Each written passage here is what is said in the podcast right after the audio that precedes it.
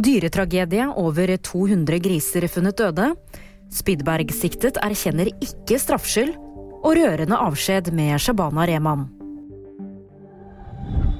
Det er funnet over 200 døde griser på en gård i Trøndelag. Det var en bekymringsmelding mandag som førte Mattilsynet og politiet til gården. Gårdeieren er siktet for grov overtredelse av dyrevelferdsloven. Påtaleansvarlig ved Trøndelag politidistrikt Amundsen kaller det en dyretragedie.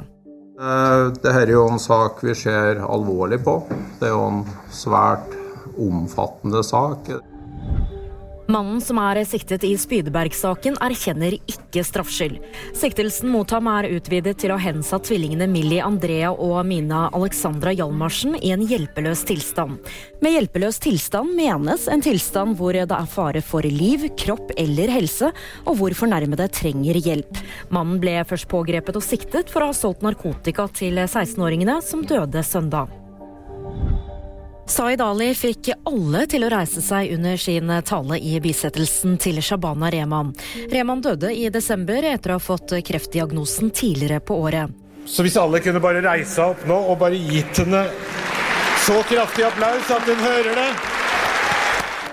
Det var VG nyheter. De fikk du av meg, Julie Tran.